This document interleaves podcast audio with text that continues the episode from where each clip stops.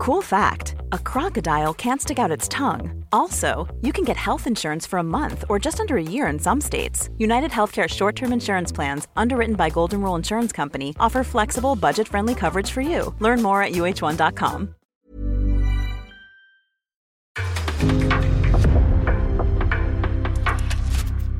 En podcast från Aftonbladet.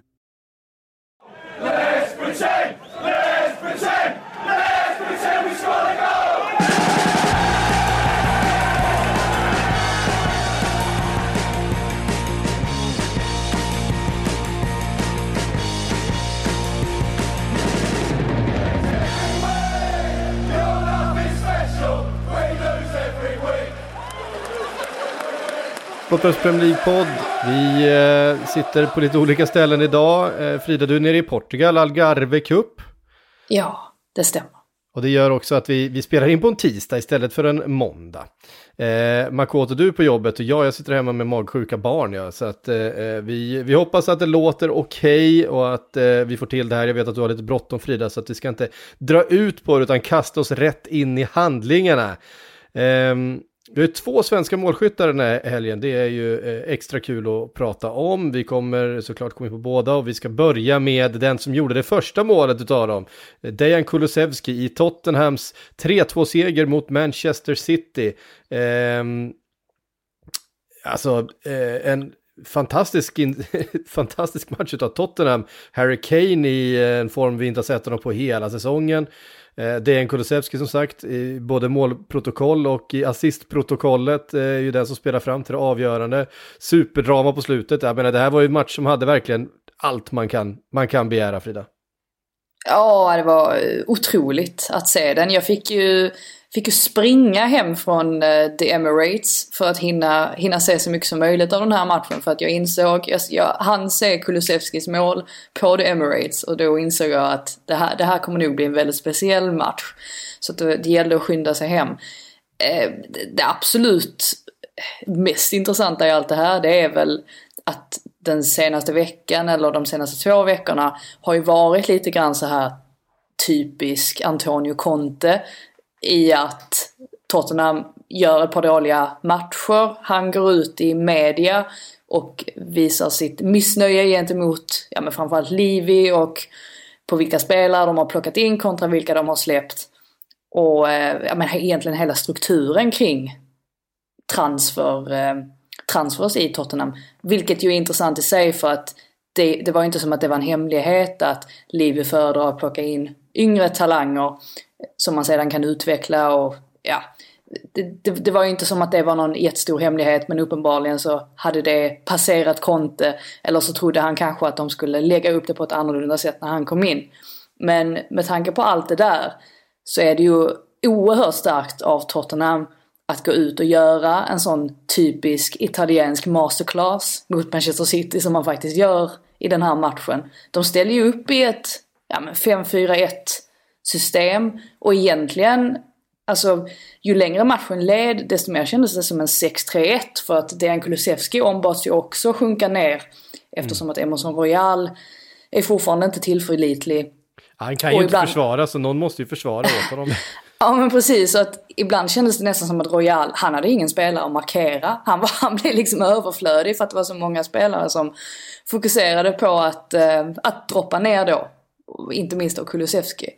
Och sen också att, att eh, Bentancourt och Höjbjerg snarare liksom tryckte upp lite grann och, och eh, men markerade snarare Citys ytterbackar medan Harry Kane då hade koll på Rodri.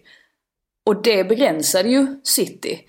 Eh, det är klart man kan peka på att City hade, hade mycket bollinnehav och, och sådär. Men Eh, eh förutom den där högerkanten då som läckte för Tottenhams del, så tyckte jag att de hade, hade bra koll på det här. Och när man då har en Harry Kane som är så pass slagkraftig, det här var ju, alltså individuellt sett så var det ju en av de bästa insatserna man har, man har sett i Premier League nästan. Och sen då Hong Min Son på det, och Dejan Kulusevski som jag tycker smälter in betydligt bättre i Tottenhams offensiv sett till att det blir lite bättre rörelse jämfört med de övriga alternativen i truppen, bland annat då Lukas. Och med de tre där fram, ja, och det var det som att de gav inte upp. inte ens då när City får, får in den här kvitteringen på straffen. De, de backar, det är inte som att de backar hem och tänker att ja, men vi får nöja oss med den här poängen. Utan de, de gick för det hela vägen. Och det kanske berodde dels då på att Kane säkert hade allt det här i bakhuvudet med att han nästan, eller han var på väg till City eh, ett tag där i somras. Men också det här kanske att de, i och med att de vann den första matchen under öppningshelgen mot just City, så kanske de ändå kände att nej men vi, vi kan vinna mot Manchester City. Och har man bara den tron, då, då räcker det ganska långt. Alltså det var ju, måste ju betyda enormt mycket för Dejan Kulusevski att få göra det han gör i den här matchen. Att han går in från start i en sån här match. Ja, man kan, alltså det är såklart, det var, det var ju en tap-in målet, men det är ju fortfarande väldigt fint avslut och liksom behärskat och kyligt att lägga den på det sättet han gör när han får den passningen från Hyun Son, jättefin passning. Och sen då också att leverera assist, både en och två gånger om man räknar med den där offside-assisten. Det måste ju betyda enormt mycket för honom att få den boosten och visa vad han kan bidra med till det här laget redan från start här, när han får sin chans från start, att han verkligen tar den och visar att han hör hemma i den här startelvan och får så många minuter som man får här också. Det måste ju betyda enormt mycket. Ja, och eh, Manchester City tappar de här poängen. Det, de skapar ju ganska mycket. Det ser ju ut som en, som en Manchester City-match brukar se ut. Men, men eh, Tottenhams effektivitet och, och, Citys ineffektivitet får vi väl säga. Jag vet, Gundogan har någon boll i stolpen, eh, Juris eh, gör en jätteräddning. Men det är ju ändå så här, eh, målet de får är ju en, en bjudning eh, lite grann, får man säga, av jurist. Och sen så är det den här straffen då som man får. Eh, så trots liksom eh, dominans i, i eh, eh, bollinnehavet, mycket spel runt eh, Tottenhams straffområde och så vidare så, så, lyckas man inte. Och det, vi har ju sett det just mot, mot Tottenham av någon anledning, eh, Manchester City, gå på eh, miner förut. Ja, och alltså vid, vid det första målet, eh, Tottenhams mål då, där hamnar ju City helt snett försvarsmässigt. Alltså Laporte, han försöker stänga ner Kane men misslyckas helt och Ruben Diaz han försöker spela Son offside men kliver upp alldeles för sent och Kyle Walker är inte heller i position så att där, där hamnar de ju, där hamnar de ju helt snett vilket innebar då att det var fritt, fritt löp för Son och, och sen då Kulusevski att bara lägga in bollen. Och det är väl det som är så tacksamt nu. Jag vet vi pratade om det förra veckan i Kulusevskis fall att, eh, att det var en del supportrar som kanske var irriterade på att han ja, men, saknade lite kvalitet i, i sista passen och, och sådär. Men samtidigt så när man spelar med spelare som Son och Kane det är ganska tacksamt ändå att göra det. Alltså man behöver ju egentligen bara se till att vara på rätt plats vid rätt tillfälle så kommer oftast bollen. Och så, varken Son eller Kane hade sin absolut bästa match mot Wolves förra helgen. Men när de verkligen liksom steppar fram, ja men då, då gör det, då gör det ju sannoliken skillnad. Och det var ju, det var ju återigen det man kände i den här matchen. Mm. Eh, och just att eh, Harry Kane levererar en sån här eh, ja, match helt enkelt, en sån här prestation mot just Manchester City efter alla rykten och spekulationer och hans egna önskemål vad det verkar i, i sommar. Eh, det betyder ju säkert lite extra. Han måste ju leverera nu när eh, det är väldigt mycket prat om Erling Braut Haaland till City till sommaren istället. Så måste ju Kane visa att eh, glöm inte bort mig. Jag kanske fortfarande är aktuell trots allt och fortfarande tillräckligt bra för det. För han har ju inte rosat marknaden den här säsongen överhuvudtaget hittills och den här matchen. Jag sa att det betydde mycket för Dejan Kulusevski, det betyder ju enormt mycket för Harry Kane också att få den utvecklingen han får här och göra den insatsen han gör inför fortsättningen, både för honom men också kanske framförallt för Tottenham också när man går in här i kampen om Champions League-platserna.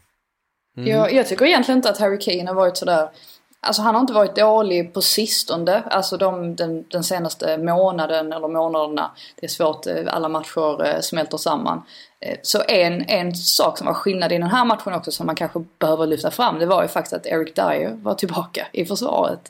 Och försvaret har, ja men fram tills den här matchen så har det sett väldigt, väldigt yrt ut. De har stått för misstag som ja, men har varit ganska, ganska tramsiga som i mötet med Southampton och inte minst mot Wolves när de liksom sjabblar in ett par mål i baken. Och med Dyer jag, jag, tror att det blir tryggare där bakom då. Så att det kan också ha, ha en inverkan på det här resultatet, det tror jag definitivt. Mm. Romero tillbaks är ju jätteviktig. Solklar straff han drog på sig dock. Ja, eh, det, det, var inte mycket, mycket att säga om eh, faktiskt. Och det blir ju väldigt intressant. Det känns som att det är eh, flera lag där som eh, i, i, kampen om den här fjärde platsen som eh, växlar upp lite grann kanske. Eh, Spurs är några poäng bakom men, eh, men har ju matcher i hand, tre matcher i hand på Manchester United som ligger på fjärde plats just nu. Ja, det är ju det som är grejen. Vi kommer komma in på det också i och med att ja, men det här öppnar ju upp för titelracet såklart. Mm. Men jag känner mig nästan lite lurad av att det har varit så många matcher som, eh, ja men som du säger, som har, som har legat i hand, eller vad man nu säger ja. på svenska. Att man inte riktigt har fått grepp om, man har trott att Manchester City har varit så, så mycket längre före än vad de faktiskt har varit. Så nu när Liverpool har liksom kommit in i sin, sin segertrend, ja men då helt plötsligt inser man att ja men det är ju ändå ett titelrace att prata om. Eh, så jag känner mig lite dum och lite lurad på grund av alla de här framskjutna matcherna. Ja, alltså Liverpool har det ju helt i, har ju faktiskt i egna händer. Ja, det är väl jo. alltså, jo i och för sig det har de eftersom att de ska möta City också, jag tänker så såklart. Ja. Så är det. Ehm, men vi kommer till Liverpool för vi ska prata om eh, den andra svensken som gjorde mål i helgen, nämligen Manchester Uniteds Anthony Alanga. Eh, United som vann med 4-2 till slut mot Leeds, men det kändes som att det höll på att bli en sån där fin första halvlek eh, och sen så tappar man i andra, så som vi har sett Manchester United många gånger under den här vintern. Att man, eh, man, man ser fina ut men man lyckas inte göra det över, över 90 minuter och, och bli straffade för det. Eh, nu, kom, men... ja, nu kom Leeds tillbaka in i matchen men nu hittade man någonting som man kanske inte har gjort den senaste tiden, en, en, en, eh, en ny energi. Ja, alltså först och främst måste jag ju fråga Syk, du måste ju ha älskat den här matchen. Det här var ju verkligen back to, ja men the good old times med en vattensjuk plan. Vad var det, nio gula kort i andra halvlek det var ju, det gick ju inte lugnt till om man säger så. Lite inkastade föremål. Alltså det var en helt underbar match. Det är ju en, en, ett riktigt traditionellt hatmöte verkligen. Det är ju, det är ju Manchester United och Leeds United är ju två, två riktiga, det är, det är ett riktigt hatmöte. Det är, eh, det skiljer sig lite grann. Jag hörde, jag minns inte vem det var som pratade om det, var en Manchester United-supporter som sa, just vi har liksom lokalrivaliteter med Manchester City, vi är från samma stad och så vidare, det finns ju det där. Och sen så har vi Liverpool, men det finns ganska mycket ömsesidig respekt ändå, det är liksom de två största klubbarna och så vidare. Men med Här är det hat. Det är bara rent hat. Det finns inget annat, det finns ingen ömsesidig respekt, det finns ingenting. Eh, och då fick vi också de här, ja, eh, Elanga blev väl träffad av mynt inkastade från läktaren va? Ja, en tändare. En tändare bara. Det var någon som hade kast, blev avstängd för att han hade kastat mynt in. Och det här det gav ju verkligen liksom ekon från 80-talet. Eh, när sådana saker var mer vanligt ja, förekommande så att säga.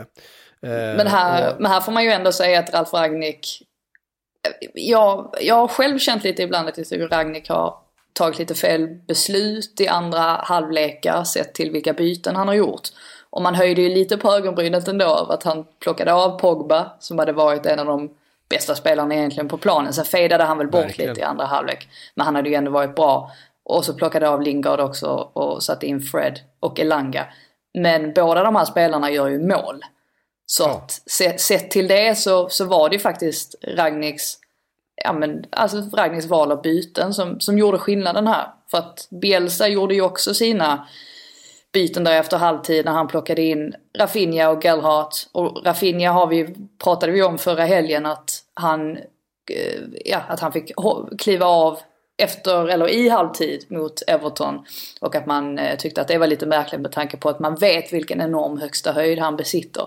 Och det dröjde ju inte länge förrän han visade att han fortfarande har det även om man kan förstå ändå, eller man måste acceptera att Bielsa uppenbarligen valde bort honom av taktiska skäl och eh, då att han kanske inte har varit i sin bästa form. Men ja, det, det var, eh, nej, eh, alltså det är en oerhört sevärd match. Det får man ju, får man ju lugnt säga. Alltså ja, också verkligen. häftigt att se, alltså man har ju hyllat Anthony Langa förut för alltså sättet han har tagit sig an den här A-lagsuppgiften, men man har ju inte sett honom i en sån här match med en så liksom sån här stämning, med sån här irritation där du har spelare som kommer in med liksom tvåfotstacklingar i varannan situation mot dig. Och han lyfter i stunden på något sätt. Det, jag tycker att den aspekten, liksom mentala aspekten och den styrkan han visar, det tycker jag är väldigt imponerande och lovande för fortsättningen. Mm. Sen måste man ju framhäva också de här målen i första halvleken från Manchester United. Att då Harry Maguire gör mål på en hörna för det första. Ja. Det är alltså det första hörnmålet Manchester United gör den här säsongen. Det är helt alltså. På, jag tror det var 139 försök. det är helt... Så att där måste ju Leeds känna, även om de inte har ett extremt bra facit på att försvara sig på fasta situationer, så måste ju de ändå känna sig besvikna över det här. Eh, eftersom att ja, United har inte direkt haft en sådär jättebra trend. Eh, det är väl Jorente som helt liksom tappar Maguire. Så att han bara kan dundra in den i målet där. Och vid mm. andra målet, vad, vad, vad hände där med Lindelöf? Helt plötsligt så får han för sig att uh, rusa Aha. framåt i planen med bollen och det borde han göra oftare för att men, det gick ju hur bra som helst. Han hade ett par sådana utflykter under, under den här matchen som var väldigt, eh, väldigt lyckade. Um, och där han, eh, det var ett tillfälle i första där han höll på och, och, och väggade sig igenom när han, när han fullföljde en löpning och, och var inne och hade touch i straffområdet. Eh, så att han har ju, han har ju den, den kvaliteten. Det, det visste vi ju egentligen sen tidigare att han har. Eh, han är ju bra med bollen och han, han, han kan driva upp den, han har bra blick och så vidare. Eh, och som sagt, det är någonting som han, som han verkligen borde göra mer. Eh, och något som vi ser att fler och fler mittbackar, eller fler och fler, det vet jag inte, men, men vi ser en hel del mittbackar göra det. Eh, eh, nu för tiden. Eh, man, tar, ja. man får ju ett numerärt överläge i den situationen. När Rydiger alla, älskar ju att göra det. Rydiger älskar det. Matip av alla eh, långsamma löpare eh, gör ju en eller två sådana där varje, varje match. Ja, men vi, vi, har ju sett en ny typ av mittbackar också, man tittar så här Jules Condé eller eh, Bastoni i Inter som på något sätt går upp och plötsligt börjar slå inlägg från vänsterkanter och sånt. Där kanske inte riktigt vi vill se Lindelöf springa runt på Nej, det, det viset. Men samtidigt, det ger ju en extra ju... dimension. Ja, mm, sen beror det väl lite, beror lite på om man spelar tvåbacks eller fyrbackslinje kontra trebackslinje. I en trebackslinje som Bastoni där har ju lite mer frihet ja, och Rydiger också. Eh, men vi såg Ben White också i helgen. Han, han eh, klev upp ganska högt med boll Precis. ofta. Så att det, det händer i fyrbackslinje också. Det är kul att se. Ja, verkligen. Eh, och Manchester United som ju har den där fjärde platsen just nu ehm, är väl ändå kanske mångas favorit till att ta den i slutändan. Ja, det är svårt alltså. alltså här blir vi ju lurade av tabellen igen för att, ja, vad är det, tre matcher Arsenal, Arsenal har till godo. Ja, men exakt, jag tänkte precis säga det. Att det man vet inte bara Arsenal, de kan, mycket väl, de kan mycket väl gå och förlora de där tre matcherna. De kan också vinna de tre matcherna hur enkelt som helst. Så att jag, jag säger ingenting just nu. jag, tänker, jag tänker vara tyst, jag orkar inte ha, ha fel flera gånger. Nej, eh, Arsenal som sagt eh, tre matcher eh, till godo och fyra poäng upp till eh, Manchester United nu då. Och Spurs också med tre matcher till godo och eh, sju poäng upp till eh, Manchester United. Så att ja, det är, det är mycket kvar att spela om. West Ham som har varit där uppe och, eh, och eh, krigat under hela säsongen. Eh, tog sig an eh, Newcastle i eh, den tidiga matchen på, på lördagen. Fick inte med sig tre poäng där, bara en poäng eh, ifrån det mötet efter mål av Craig Dawson och eh, Joe Willock. Som mm. eh, hittar Någon nätet igen.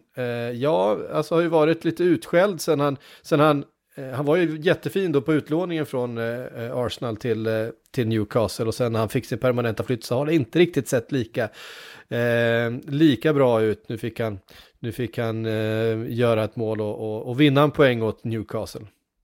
Ja, jag twittrade det här efter den här svensk succén i helgen att Ja visst, alltså Kulusevskis mål var fint och Elangas avslut var också bra men Emil Krafts eh, hockeytackling på Antonio där efter dryga halvtimmen får gult kort.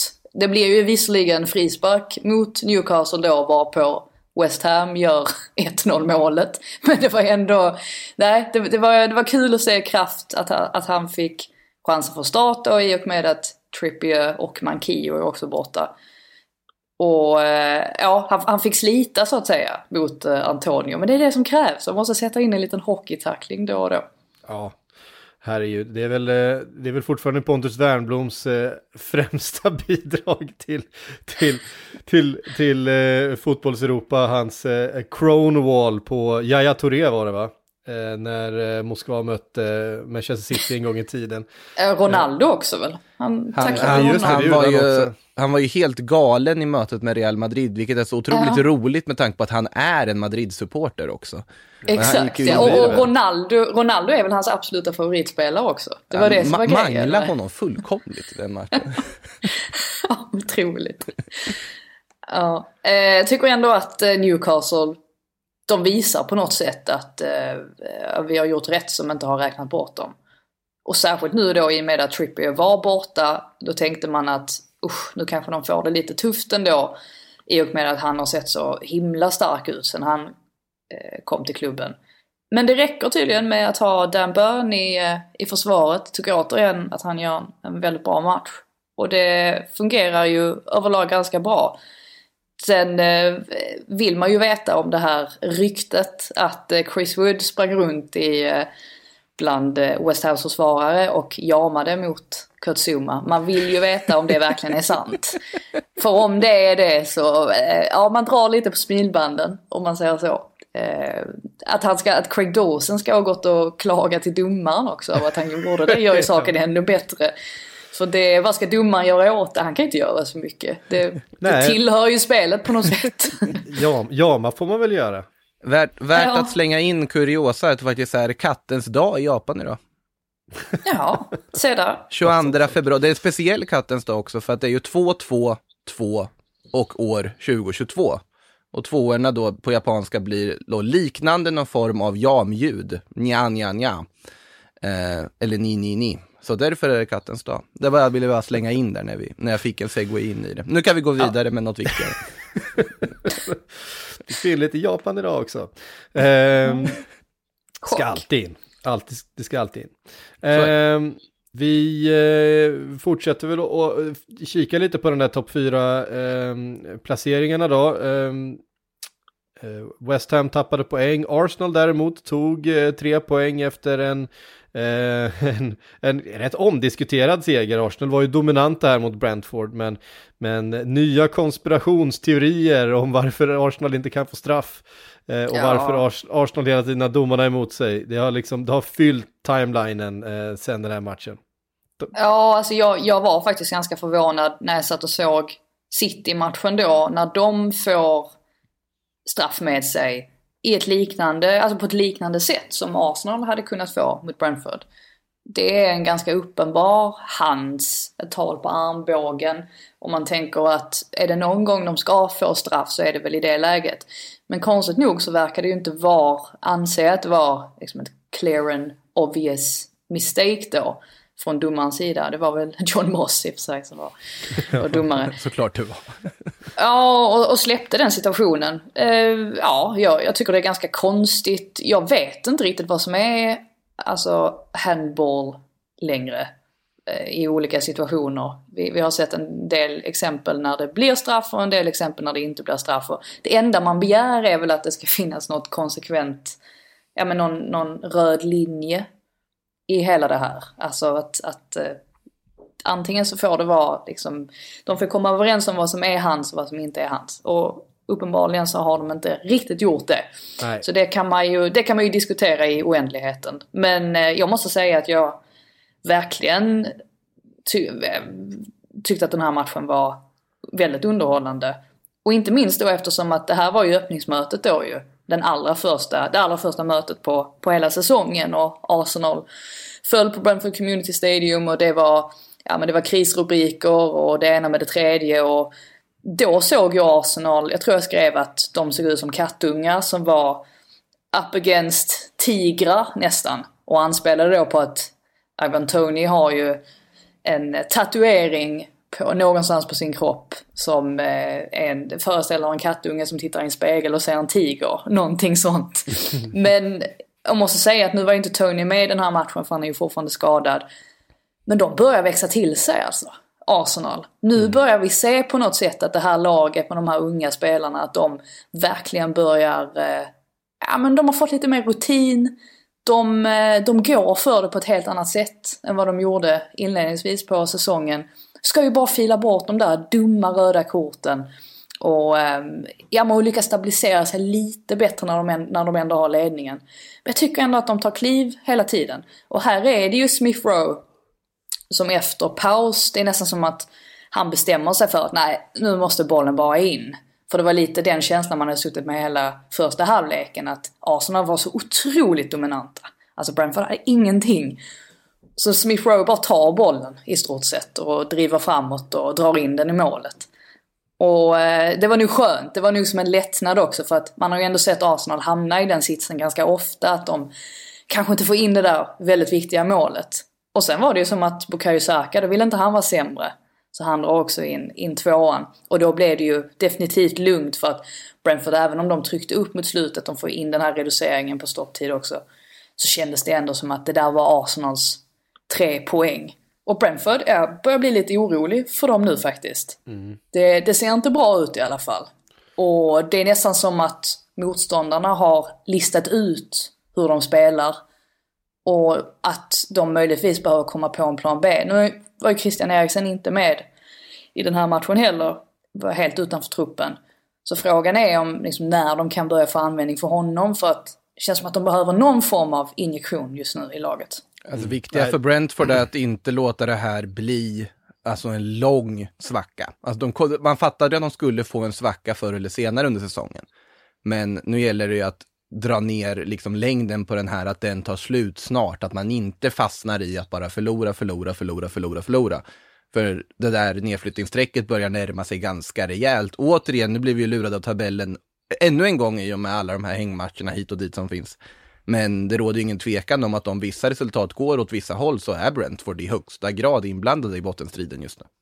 Mm, jag tror att de har ganska enkelt eh, spelschema, eller enklare spelschema än Everton exempelvis. Så att det kan ju i så fall vara, i så fall vara en fördel. Nu, nu gissar jag egentligen hej vill för jag kommer inte exakt ihåg, men jag tror de ska möta så Newcastle, Norwich, Burnley. Alltså du gissade helt rätt kan jag meddela också här. Är det sant? Ja. Otroligt. det är sjukt.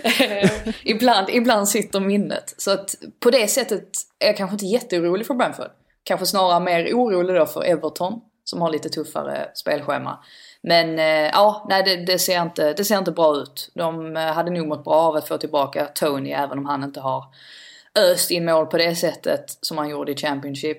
Så känns det ändå som att han, han bidrar med lite tyngd där framme. Försvararna måste ändå hålla koll lite på honom. Mer än vad de behövde göra, eh, ja mer än vad Arsenal behövde göra i lördags. Bara lite till på, på Arsenal där. Tycker att Cedric är en sån spelare som man tänker att nej men han kommer aldrig vara en ordinarie spelare i Arsenal. Alltså nu får han ju spela eftersom att Tomiyasu är skadad. Han är väl på väg tillbaka så att han kommer väl snart återta den platsen. Men jag är jätteimponerad av Cedric och tyckte att han var väldigt bra i den här matchen. Han är ju en begränsad spelare men han gör verkligen så gott han kan. Och man såg det också att Arteta, han var väldigt noga med att lyfta Cedric hela tiden. Och alltså, ge honom lite mer självförtroende så att han skulle liksom ta klivet framåt. Och det som var intressant också var att Cedric, istället för att slå en massa inlägg hela tiden, så klev han ju oftast eh, inåt. Samtidigt som Ödegård drog sig ut på högerkanten och var den som kombinerade med Sarka väldigt ofta. Och Ödegård tyckte han var, han var väldigt bra i den här matchen. Tyckte Partey också, han började steppa upp. Han låg ju också lite längre fram eftersom att Ödegaard gled ut på kanten, vilket också gjorde att Arsenal fick ännu mer tryck. Smith Rowe som var bra. Tenny hade inte sin bästa dag riktigt, men det är ju en sån spelare man tänker att han kommer ha det så småningom. Och ihop då med mittbackarna som också var bra. Lacazette gjorde ju vad han brukar. Han är ju alltid jobbig att möta också. Så att, ja, Arsenal, visst det är bara Brentford, men jag tycker ändå att Arsenal, de ser bättre och bättre ut ju längre tiden lider. Så att jag, jag är inte jätteorolig för dem. Problemet är väl att de måste nästan ta en Champions League-plats. Eftersom att de vill ju värva spelare från en viss hylla de vill behålla Bukayo Saka. Nu tror jag inte att Saka lämnar oavsett men det har ju ändå funnits lite rykten kring honom och sådär. Och de håller väl på att diskutera ett nytt kontrakt och, och så.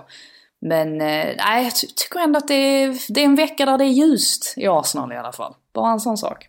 Vi får hålla det till att det är en vecka där det ser ljust ut eftersom man inte riktigt vet hur länge sånt här håller, men jag håller helt med om att Alltså sen tycker jag att det här Lacazette visar, alltså som sagt han gör ju det han brukar göra, men det är också ganska tydligt att det han brukar göra är den formen av forwardspel som också ger möjligheter för spelare som Smith Rowe, Bukayo Saka.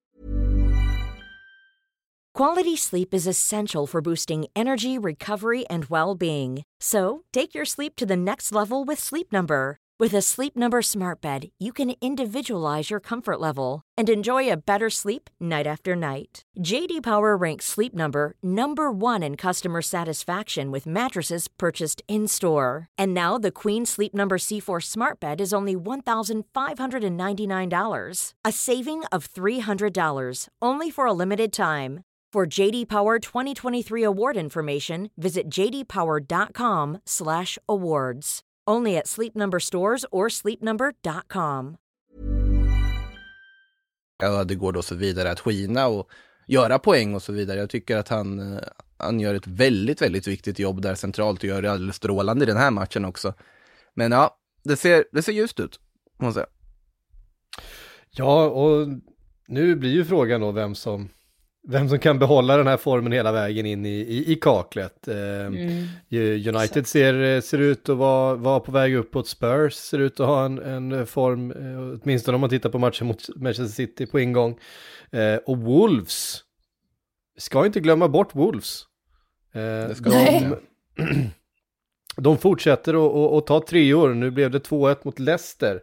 Eh, I en eh, otroligt imponerande eh, streak de har, eh, Wolves den senaste tiden, besegrat bland annat Tottenham. Eh, verkligen säsongens, säsongens stora överraskning för mig. Ja, det här var ju inte deras bästa match heller.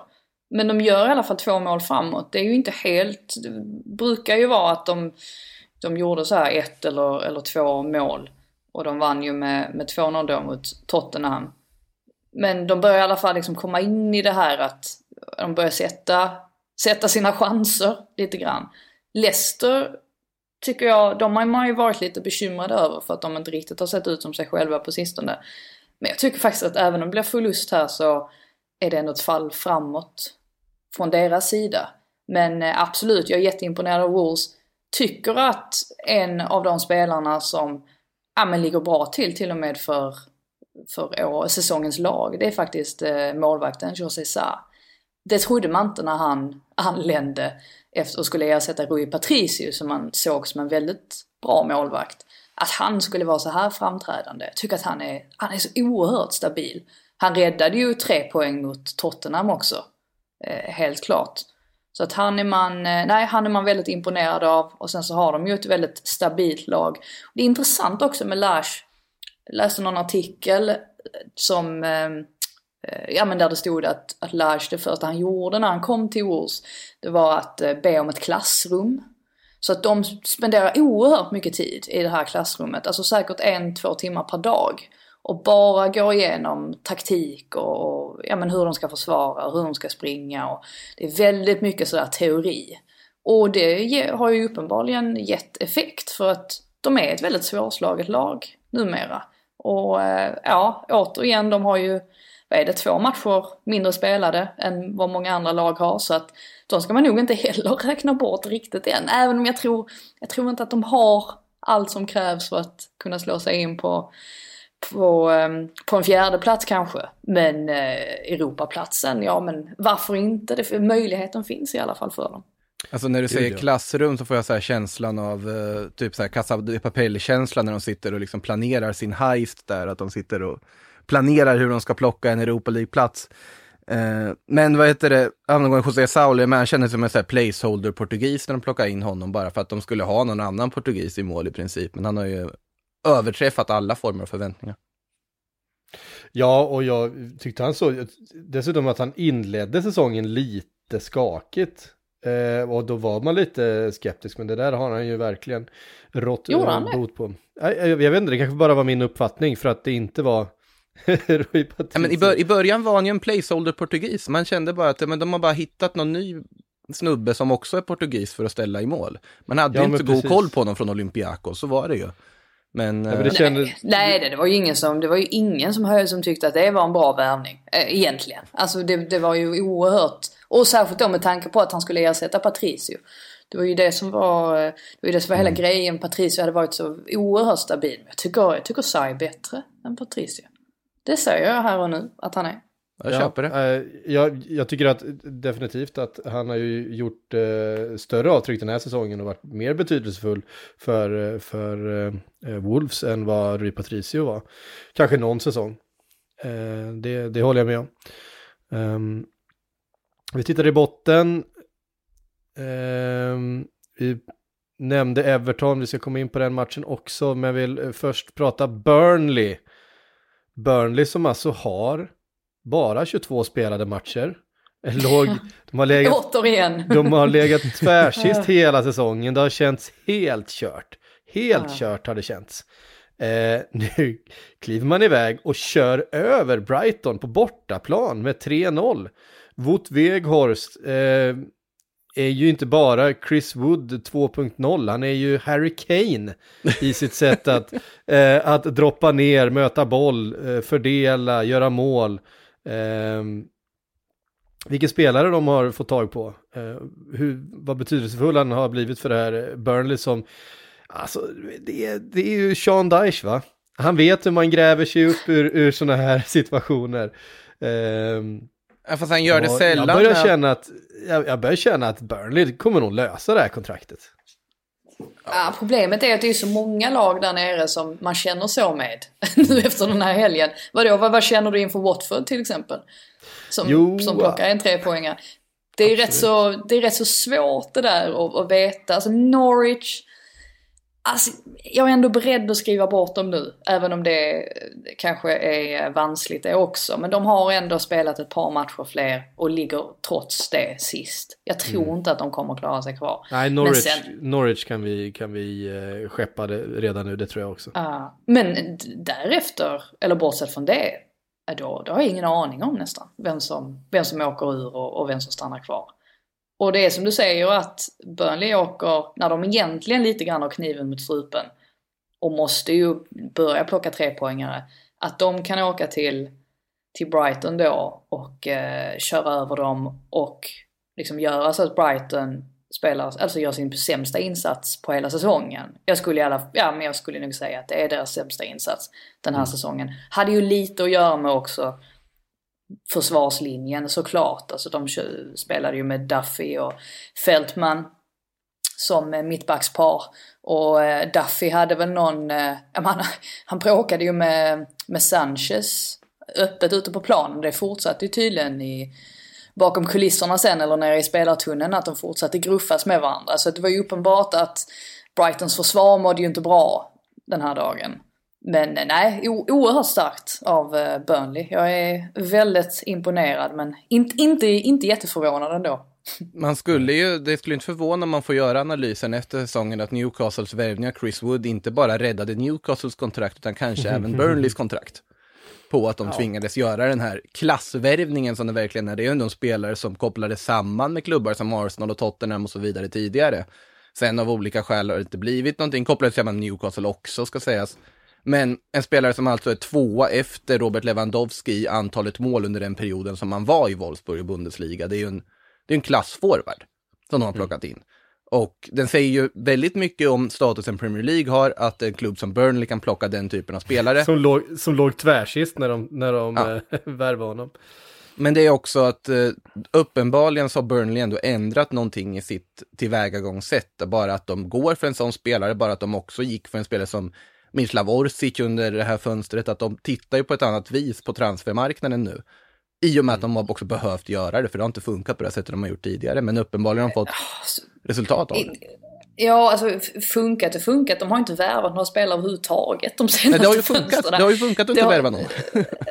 Ja, fast det har ju inte. De har ju ändå haft det. har ju, har ju snackats om det här väldigt länge, att de, att de behöver, att de har behövt värva spelare. Mm. Men jag tror att problemet har varit att Alan Pace som köpte klubben, vad var det, i januari förra året, att det har tagit ett tag för de amerikanska ägarna att komma in i det och förstå sig på Premier League och dess marknad. De har ju så högtflygande planer för Burnley att de lite grann, tror jag, har glömt bort alltså själva strukturen. Alltså hur man bygger ett, ett framgångsrikt lag och framförallt hur man hänger kvar i Premier League eftersom att det är så himla värdefullt för klubbarna på grund av pengarna och sådär man får in på grund av det.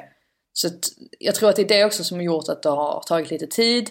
Jag tror att det, den största vinsten för dem i allt det här det är att de lyckades hålla kvar Sean Dyche. För jag trodde ett tag att han skulle lämna förra sommaren självmant. Just för att han kanske började känna att saker och ting började krackelera. Men han har blivit kvar och det är väl eh, tack och lov för, för Burnleys del. Verkligen. Vi var inne på Norwich eh, lite grann. De eh, reste till Anfield och eh, inledde målskyttet. Eh, det här namnet som är så svårt att uttala. Rashica. Rashica. Eh, Rashica. Rashik, Rashik ja. Jag vet, ja, det, jag vet inte, det är, det är något med de där två olika ske-ljuden efter varandra som är, eh, inte är, liksom, fungerar i min mun. Rashika. Problemet är... Rashitsa. Problemet, Problemet är att jag blir så färgad av vad de engelska kommentatorerna säger, vilket ju är uruselt för att det, det är ju Rashika. väldigt ofta fel. Ja, Rash, Rashika är, det är, jag känner honom under det namnet, men det är ju antagligen inte rätt då. Nej, men, det tror jag inte. Ja, skitsamma. Vi lär nog bli rättade allihopa efter det här. Ja, det blir vi nog.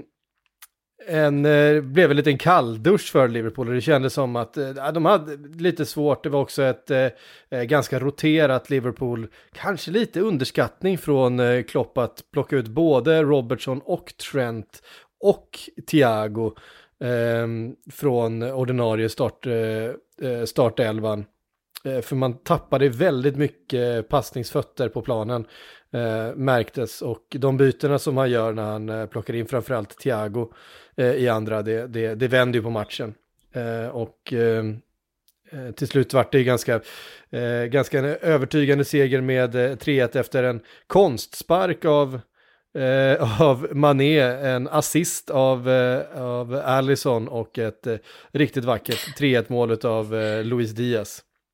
Ja, det var ju nästan som att Liverpools frontlinje då efter att Norwich har gjort mål, att de kände att nej, nu får vi lägga in en högre växel. Ja. Li, li, lite, den, mm. lite, lite det tänket. Och det är klart, det har varit lite, lite mycket matcher för dem här. De gjorde ju ändå en stark insats borta mot Inter och fick med sig den segern. Så att man kan ju förstå att Klopp vill rotera och vila spelare så mycket som möjligt. Men eh, jag är ju framförallt imponerad av Luis Diaz ändå. Jag tycker att han ändå har kommit in i det bra på väldigt kort tid trots att han inte pratar engelska. Jaha. Och eh, det säger ju någonting om, vet vi kommer väl komma in på Chelsea kanske lite grann också. Men jag tänkte lite på det kring Romelu Lukaku, att han inte kommer in i i Chelseas sätt att spela fotboll på riktigt just för att han är en typ av anfallare och Chelsea spelar på ett helt annat sätt. Och det visste ju ledningen om, eller rekryteringssidan om, när de plockade in Lukaku och ändå gjorde de det. Alltså Liverpool gör ju inte riktigt samma misstag. Visst, de värvade Minamino och han har väl inte blomstrat ut som de hade tänkt att han skulle göra. Men just det att de plockar in Jota som passar perfekt in, bara går rakt in i startelvan och gör skillnad. Diaz nu som liksom går, kan gå in och och smälter in väldigt bra också i systemet. Det, det finns en viss skillnad i hur klubbar, klubbar arbetar och Liverpool prickar ju rätt ofta väldigt rätt också. Mm. Alltså eh, Salas avslut. Alltså det, det, det, kan se enkelt ut det där, men alltså det är så fruktansvärt skickligt och kyligt och visar hur mycket självförtroende han har att bara, alltså rulla den bollen bakom ja, ryggen han, på en back. Han ser att, att backarna som står där, de täcker samma stolpe. Eh, så jag tycker bara... det är så ruskigt snyggt. Ja, första touchen när han plockar ner bollen mm. på Alissons utspark där är, är ganska bra också. Eh, ja, det var, eh, vi ska säga att Jordan Henderson efter att vi sågade honom förra veckan och sa att han kanske inte, Helt okay kanske inte har en, en framtid som en självskriven del av den här start, eh, startelvan. Det, det, jag har inte, det backar jag inte helt ifrån. Jag tror fortfarande att det är, det är eh, så vi kommer se Jordan Henderson i, i framtiden, eller typ från och med nu, men kom in mot Inter och var väl, helt matchavgörande skulle jag säga. Eh, ja. Enormt bra inhopp där och eh, var väldigt, väldigt bra i den här matchen också. Framspelningen till eh, Luis Diaz är ju magnifik. Ja, men det är väl skönt att vi jinxar saker. ja, ja, absolut. Ja. Vi får gärna jinxa Jordan Henderson, det har jag inget emot. Eh, Crystal Palace-Chelsea, för att det där på tredje platsen lite, lite hängandes i... Eh, ja, mittemellan. Det finns liksom ingen riktig risk för dem att, eh, att eh, missa topp fyra, men de är också lite långt bakom för att på riktigt blanda sig i toppstriden. Chelsea som med nöd och näppe fick med sig tre poäng från Crystal Palace här. Mm. Romelu Lukaku som vi nämnde, sju bolltouch under den här matchen. Ja, det, det säger en del. Och, och då ska man ju tillägga att den första bolltouchen, det var ju vid avsparken. Så egentligen är det ju sex från öppet spel. Ja. Vilket ju är, är ännu värre. Ja, det, det, här det var ju ingen... bedrövligt verkligen. Ja, det är det. Och det är ju uppenbart att, alltså hans, precis som jag sa innan, hans sätt att spela fotboll på kontra Tuchels sätt att spela fotboll på. Det går inte riktigt hand i hand. Alltså Lukaku, jag förstår ju varför han gick så bra in i Antonio Contes Inter. Eftersom att han är exakt den typen av spelare som är bra att ha, ja men när man liksom spelar mer ett kontringsspel eller ett liksom mer rakare direktspel. Chelsea är ju snarare ett lag som vill hålla lite mer i bollen på motståndarnas planhalva. Och då hamnar han inte riktigt rätt. Och det känns inte heller som att lagkamraterna söker honom med passningar. Eh, kanske för att de känner att, nej, men att det inte är riktigt läge. Alltså Kai Havertz som är mer av en falsk nia har ju ett helt annat rörelsemönster och bidrar ju på ett helt annat sätt som jag tycker är mer effektivt sett till hur, hur Chelsea spelar. Sen är ju frågan, ska man då anpassa Chelsea ut efter Romelu Lukaku eller ska Romelu Lukaku börja anpassa sig ut efter Chelseas sätt att spela fotboll på? Det är väl den, det är väl den stora frågan egentligen i allt det här. Så att ingen, ingen speciellt bra match överlag. Nu får Chelsea med sig de tre poängen här och Ziyech är ju i, i väldigt bra form ändå får man ju säga. Mm. Där är Men, han som till slut äh, får in bollen. Det, det finns ju uh, definitivt mer att begära. Det, det börjar ju ändå bli lite läge tycker jag att ställa, nu säger jag inte att han ska kickas såklart, men alltså det ställer vissa frågetecken kring Thomas Tuchel vad han har gjort den här säsongen. För att det är uppenbart att, som du säger Frida, han har ju inte hittat rätt. Man borde kunna kräva, nej men man borde kunna kräva mycket mer av det här Chelsea med det här materialet. Han borde ju få ut någon, en bättre slutprodukt av det här. Kan bara påtala också just backlinjen att eh, den, den var ju lite speciell då, eller det var ju rätt många positioner i Chelsea som var lite speciella med tanke på att Christensen var högerback och Malang Sarr till vänster och sen Pulisic på mittfältet. Det, det fanns ju lite avbräck också att skylla på för Chelseas del. Alltså anledningen till att man inte kom in i det riktigt. Men ja. ja visst. Um, Everton nämnde vi. Southampton Everton 2-0 och uh, det börjar uh, osa katt runt Everton. Och det, eh, bara det att vi har ett Everton som nu faktiskt är indragna i, eh, i den här bottenstriden. De är på samma poäng som Newcastle. Visserligen fyra poäng ner till Watford eh, med en match mindre spelad, men det, det, är ändå, de är ändå på en plats där, de, där ett lag som Everton bara helt enkelt inte ska vara. Eh, och hade vi, jag menar bara tanken på att Everton skulle åka ur Premier League, den är, jag vet inte, den är, den är svår att, att, att ta in tycker jag. Ja, alltså det konstigaste är ju att de var ju en skugga av laget som de var förra helgen när de besegrade Leeds på hemmaplan. De har ju ett bedrövligt bortafacit så jag vet inte om det kanske sitter lite i huvudet på dem. Tycker ändå de inleder matchen ganska pikt. Men sen tar ju Allan det här gula kortet efter dryga kvarten.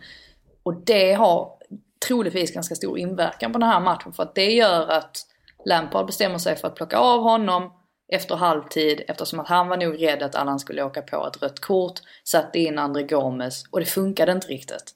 Så ja, det i kombination med att en sån som Calvert Lewin har ju lite grann underpresterat ändå sen han kom tillbaka från skada. Man förstår ju att det kanske tar lite tid för honom att komma in i det. Men han, han har inte hittat rätt riktigt än. Så det gör ju att man liksom bjuder in Southampton till att plocka de här tre poängen och så släpper man in två mål där man man, man hade kunnat göra det bättre. Jag menar Shane Long, när gjorde han mål senast? Det minns man ju inte ens. Så att Everton har sig själv att skylla på många sätt i, i just den här matchen. Samtidigt som det då är imponerande att Southampton, de, de trummar på. De har ju ett fint facit. De har inte förlorat sen mötet med Wolves, va, tror jag, där de förlorade med 3-1. Men i övrigt så ja, ser ju de också starka ut. Ja, det är ju verkligen läge att oroa sig för Everton faktiskt. Nu återigen, säger det flera gånger, men matchantalet lurar, men samtidigt matchantalet säger också att Everton är i högsta grad indragna med tanke på att vi har sagt att Burnley ska klara sig, vi har sagt att Newcastle ska klara sig.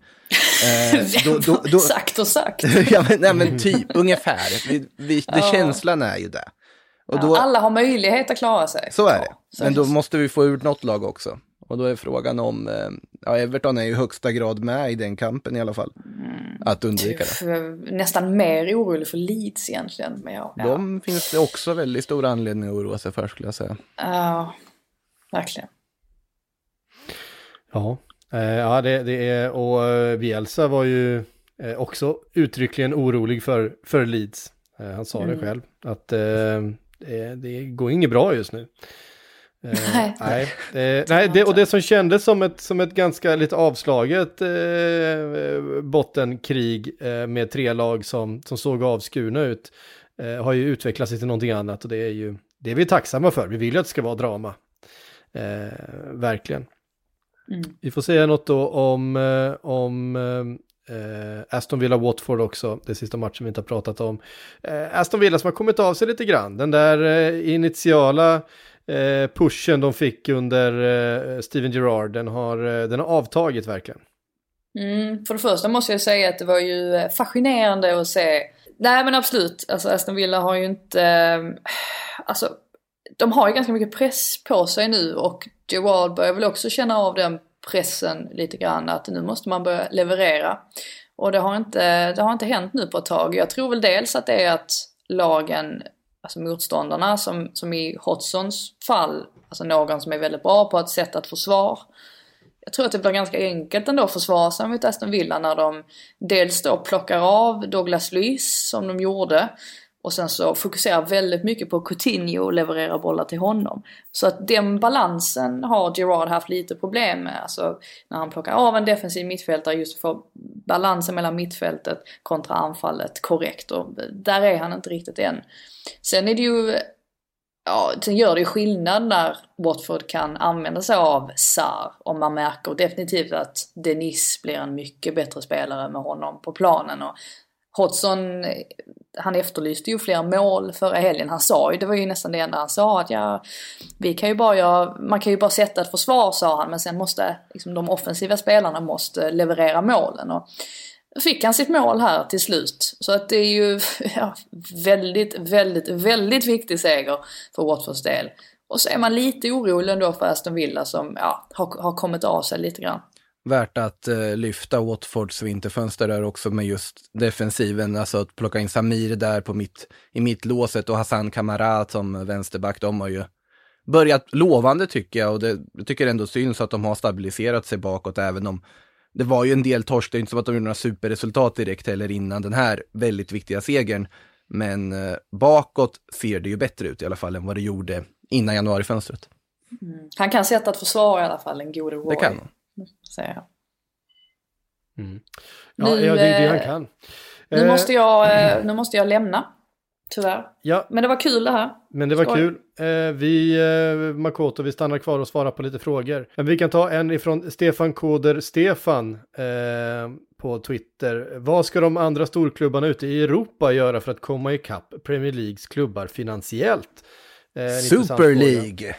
Ja, alltså det, det, har ju varit, det har ju varit eh, deras lösning eller deras svar på den frågan. Eh, om vi frågar Peres och, och de andra drakarna där ute i Europa.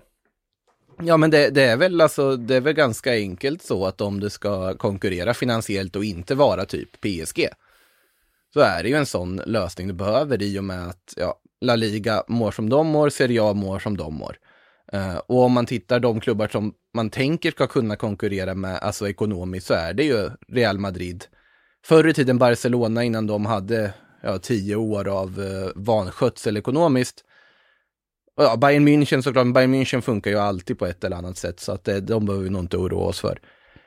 Men det är ju ganska tydligt. Jag tror att det största orosmomentet här för de andra ligorna är väl hur mycket även de mindre klubbarna i Premier League springer iväg. Som jag nämnde tidigare, som att Burnley kan plocka Wout Weghorst från Wolfsburg. Att bottenklubbar i Premier League kan konkurrera om att värva spelare som liksom kan spela Champions League i La Liga eller Serie A. Och det är en ganska tydlig trend vi ser. Men ja, det kommer nog bara fortsätta så här, det tror jag. Och sen, sen tror jag också att Super League är ju inte död. De planerna finns fortfarande. Sen huruvida man får med Premier League-klubbarna på det här tåget ännu ett varv, det ska ju låtas vara osagt, men jag tror nog att de tankarna har ju inte försvunnit bort bara för att vi avvärjade den liksom första stormen. Mm.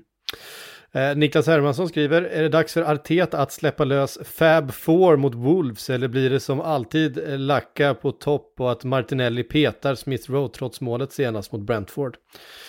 Jag tror kanske inte just Wolves i den här formen som de har är, är rätt läge att tänka så offensivt för Arteta, även om det är ju kittlar att ha alla sina, sina liksom, eh, bästa offensiva spelare på planen samtidigt.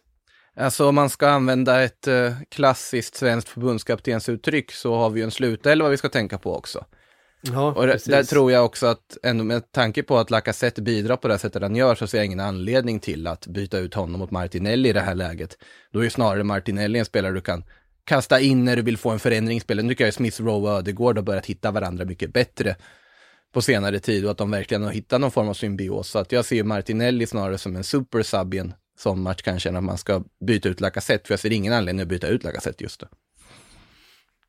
Eh, nej, eh, verkligen inte. Eh, Topp 5, vi fick från Marcus Nordberg, vi tar den här på uppstuds. uppstuds. Topp 5 vänsterfötter i Premier League. Jag undrar om han vill ha in, in Kulusevski där. Eh, ja, fina, inte riktigt va? Assisten. Inte riktigt än va? Eh, jag tror inte det. Eh, ska vi se, vad har vi för bra vänsterfötter? Mohamed Salah har en helt okej vänsterfot. Det får man säga. Eh, ehm, Gud, alltså, här, nu, nu ska jag erkänna en otrolig svaghet jag har som allmän liksom, fotbollsexpert och fotbollstittare. Mm -hmm. Jag är usel på att komma ihåg om folk är vänster eller högerfotade, om det inte är så liksom helt uppenbart, alla liksom David Beckham. Nej, det, det, är, det är faktiskt lite, lite svårt. Ja, men alltså, Många de, är ju så pass, så pass eh, dubbelfotade. tvåfotade då. Ja, ja. Att man, eh, man nej, sitter ju still på den fronten, men det är många som har fruktansvärt bra fötter i allmänhet. Ja, men vi har väl, eh, eh, vi får komma på några till. Bernardo Silva, ja, tvekan. ska in där. Andy Robertson är faktiskt en liten shout And, tycker jag. Andy Robertson, han har enormt många assist. Hakim Ziyech. Absolut. Han har en väldigt fin vänsterfot. Phil Foden har en väldigt fin vänsterfot. Utan tvekan. Eh, ja, där har vi fem kanske då. ja, ja, men alltså det, det, finns ju väldigt många bra vänsterfötter i ligan. Det, det råder ju ingen tvekan om. Eh, nej, det gör det ju verkligen. Eh, har vi mer? Ja, det, var, det var svårt. Det var svårt att komma på vänsterfot, vänsterfötter på uppstuds. Marcos Alonso eh, förr, men den är inte lika bra nu för tiden skulle jag säga. Nej, eh, han har ju bra vänsterfot om han får komma med fart och dundra på med en, med en eh, full vrist. Men det är, ju en, det är ju en aspekt av en vänsterfot också. Så att. Eh, ja, jo absolut. Sen är det ju inte någon så här liksom curla inläggfot. Så att det finns ju olika användningsområden för en vänsterfot på så vis. Ja. Um, så är det uppenbarligen. Vi eh, tar den från Otterbrand. Hur verkar Luis Diaz passa in i Liverpools spel nu när han spelat någon match? Eh, och vi, vi nämnde ju att han, han pratar alltså inte ett enda ord engelska, men har klivit rätt in i det här laget. Det ser ut som han har spelat hur länge som helst för, eh, för Liverpool. Till och med Klopp var ju, var ju förundrad över hur snabbt han har kommit in. Och det måste tyda på en, på en fantastisk spelintelligens eh, hos eh, Luis Diaz att han Eh, att han läser av vart, vart ytorna finns, att han har de instruktionerna. Sen ska vi säga att, att Pep Linders som är Klopps högra hand och den som eh, ligger bakom mycket av det liksom, taktiska upplägget och förberedelserna för matcherna eh, pratar ju flytande portugisiska. Ja, och, det... he, och helt okej okay spanska. Så att där, där finns ju någon som man kan eh, eh, liksom bolla med och någon som kan ge instruktioner. Men att det ska ha gått så här snabbt. Eh, ja, fast det här, med, det här med att man inte kan ett ord engelska tror jag är liksom en aspekt som överskattas lite. Span det är inte svårt att gå in i ett lag med spanskan bara rakt av tror jag. Inte med Nej, tanke på de internationella heller. trupper vi har idag. James Milner finns ju där och kan Ja, kan jag visste att du skulle... Nej. ja, James Milner, för, vi glömde ju nämna det. Han gjorde alltså sin 800 match när han kom det in är mycket. Han har spelat, det är alltså, han snittar 40 matcher per säsong över 20 säsonger. Eh, som han har spelat fotboll. Det är, det är fan helt otroligt. Oh. Eh, 800 matcher som professionell fotbollsspelare är bara hatten av. Vilken, eh, ja, fantastisk, vilken fantastisk idrottsman får man verkligen säga. Eh, men, eh, men Luis Diaz, äh, ser ju så här långt, nu är det så ett ganska, ganska litet underlag men, men ser ju fantastisk ut och löpningen, avslutet fram till 3-1 mot Norwich, det var ju klass rakt igen. Men där, där förstod man ju att de har värvat en perfekt, alltså offensiv, typ han kommer ju bara växa tror jag och jag ser ju en helt annan höjd hos honom än vad jag ser hos till exempel Diogo Jota. Nu är det ju mm. kanske lite sådär att börja ifrågasätta en spelare som ligger tvåa i skytteligan, men eh, personligen... Men kommer så... ha olika roller. Ja, så är det ju också, men jag ser ju en annan höjd hos eh, Luis Diaz överhuvudtaget, alltså längre fram. Jag tror Jota har sin höjd på något sätt. Jag tror jag ser inte att han ska bara kunna gå in och rakt av ersätta Salah Mané på sikt. Han gör det absolut över ett afrikanskt mästerskap och gör det alldeles strålande. Men jag ser inte honom göra det liksom rakt av över en hel säsong. Där kan jag däremot se Luis Diaz ha en sån utväxling framöver, om nu Salah eller Mané skulle skiftas bort här inom nära framtid. Så nej, det är en supervärvning av Liverpool. Ja, jag tror en, jag tror en av Salah och Mané försvinner i sommar. Tyvärr. Det har, jag, är... det har jag, ju sagt, det har jag ju sagt länge. Eh, det har jag sagt hela säsongen, men jag tror att det händer. Mm. Eh, nu faktiskt. Eh, hörru du Makoto, vi eh, har redan eh, tagit av Frida. Vi eh, är tillbaka med Sillpodden igen i slutet på veckan. Eh, då kommer Disco få, då kommer vi liksom verkligen ta av honom alla, alla bojor och släppa honom lös i, i, eh, i Sillypoddens hela härlighet. Ska vi prata John Guidetti imorgon? Vi kommer prata John Guidetti, vi kommer nog prata lite Viljot Svedberg, vi kommer nog prata